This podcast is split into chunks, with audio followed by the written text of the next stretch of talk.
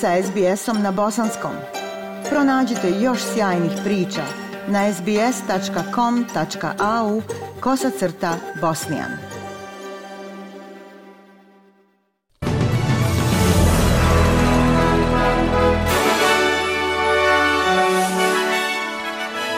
U današnjim vijestima poslušajte opozicioni lider Peter Dutton pritišće premijera detaljima vojsa. Jedna osoba poginula, 41 povrijeđena u željezničkoj nesreći u Meksiku. I u sportu Villarreal savladao Real Madrid sa 2-1 u Španskoj ligi. Slušate vijesti SBS radija na bosanskom jeziku. Poplave u udaljenim gradovima u sjevernoj teritoriji su pod nadzorom dok se bivši ciklon Eli vraća nakon što je napravio pustoš u zapadnoj Australiji. Očekuje se da će jake padavine pogoditi danas okruge Tanami, Lasseter i Simpson uz upozorenje Biroa za meteorologiju da su iznenadne poplave vjerovatne. U međuvremenu, vlasti zapadne Australije i australske odbrambene snage podržavaju gradove u regiji Kimberley nakon što je kiša dovela do prelivanja rijeke Fitzroy iz korita. Gradić Fitzroy Crossing i starosjedilačka zajednica Nunkanaba su devastirani. Opozicioni lider Peter Dutton kaže da je pisao premijeru Albanizi u ime miliona australaca, pozivajući ga da pruži barem osnovne detalje onoga što predlaže za Voice. Gospodin Dutton kaže da je neobjavljivanje detalja o referendumu politička odluka zbog koje će Voice propasti. Promijeniti ustav, kao što znamo od vremena kada je ustav pisan, je vrlo ozbiljno pitanje koje se postavlja i ljudi neće promijeniti ustav, čak i ako vjeruju u stvar, osim ako ne postoji uvjerljiv argument za to. Dakle, uskraćivanjem australskog naroda osnovnih detalja o glasu, premijer zaista postavlja vojs za neuspjeh. Vlada Albanizija prošle sedmice napravila još jedan važan korak ka referendumu o glasu parlamenta parlamentu. Predstavila je nacrt zakona kojim se unose izmjene u naš referendumski proces uključujući nove aranžmane za javno obrazovanje i finansiranje kampanje.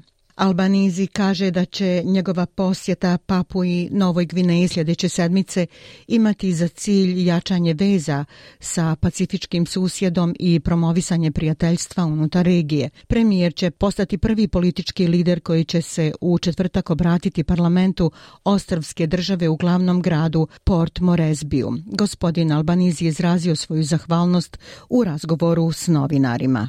I want to thank Želim se zahvaliti velikom prijatelju Australije, premijeru Jamesu Marapeu, što je ukazao ne samo meni, već vjerujem Australiji tu veliku čast koja će se ukazati u četvrtak. Premijer je nagovijestio da se očekuje da će se razgovori fokusirati na ekonomske i sigurnosne aranžmane, istovremeno naglašavajući potrebu za formiranjem ujedinjenog bloka s pacifičkim nacijama u borbi protiv klimatskih promjena.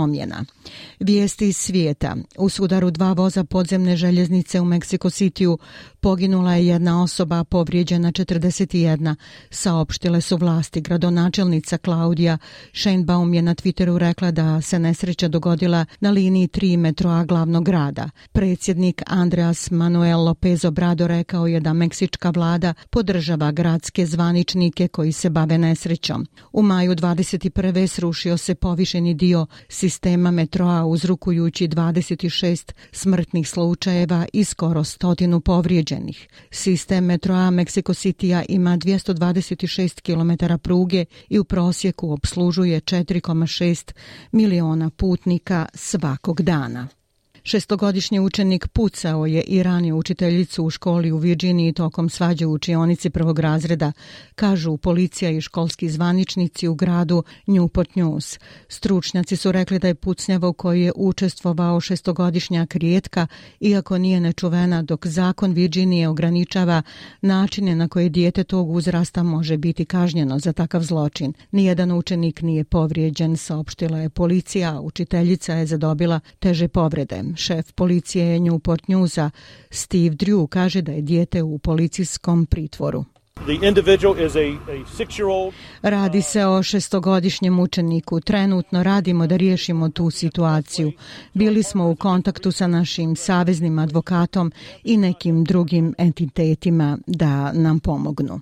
Hiljade Izraelaca izašlo je na ulice u znak protesta protiv planova nove vlade premijera Netanjahua za koje protivnici kažu da ugrožavaju demokratiju i slobode. Demonstranti su se okupili u Tel Avivu nekoliko dana nakon što je desničarska i vjerski najkonzervativnija vlada u 74-godišnjoj historiji zemlje položila zakletvu. Demonstranti su držali transparente protiv vlade i mahali duginim zastavama. Neki su držali na natpise Životi palestinaca su važni. Protest su predvodili ljevičarski i arapski članovi Izraelskog parlamenta.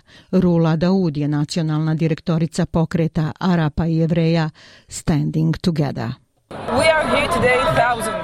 Ovdje smo danas na hiljade Arapa i Jevreja, nadam se, koji dolaze u Tel Aviv da demonstriraju protiv vlade koja je formirana. Ova vlada dovodi ekstremne ljude u vladu Izraela i trenutačno možemo vidjeti kako mnogi zakoni zagovaraju protiv LGBTQ populacije, protiv palestinaca, protiv manjina u Izraelu.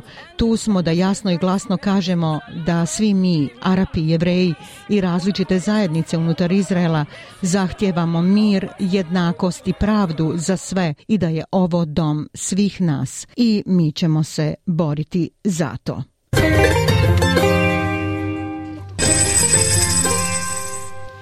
Prema kursnoj listi australski dolar danas vrijedi 0,68 američkog dolara, 0,64 eura, 0,56 britanske funte te 1,26 bosanske konvertibilne marke.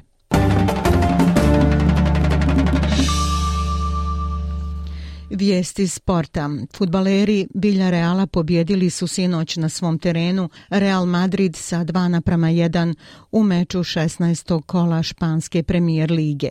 Strijelci za Bilja Real bili su Jeremy Pinjo i Gerard Moreno. Gol za Real postigao je Kerim Benzema iz penala u 60. minuti.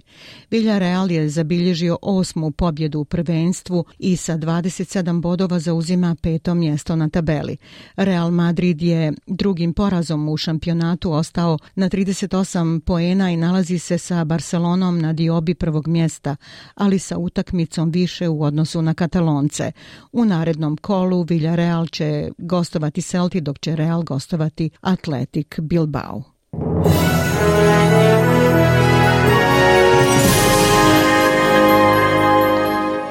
I za kraj vijesti poslušajte temperaturne vrijednosti za veće gradove u Australiji.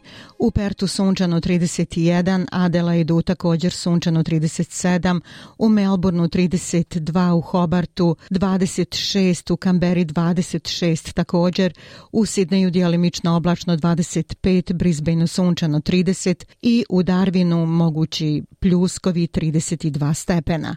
Bile su ovo vijesti SBS radija na bosanskom jeziku jeziku. Ja sam Aisha Hadži Ahmetović. Ostanite i dalje s nama.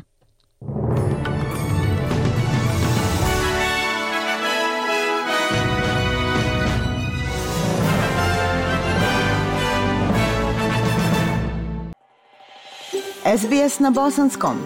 Podijelite naše priče preko Facebooka.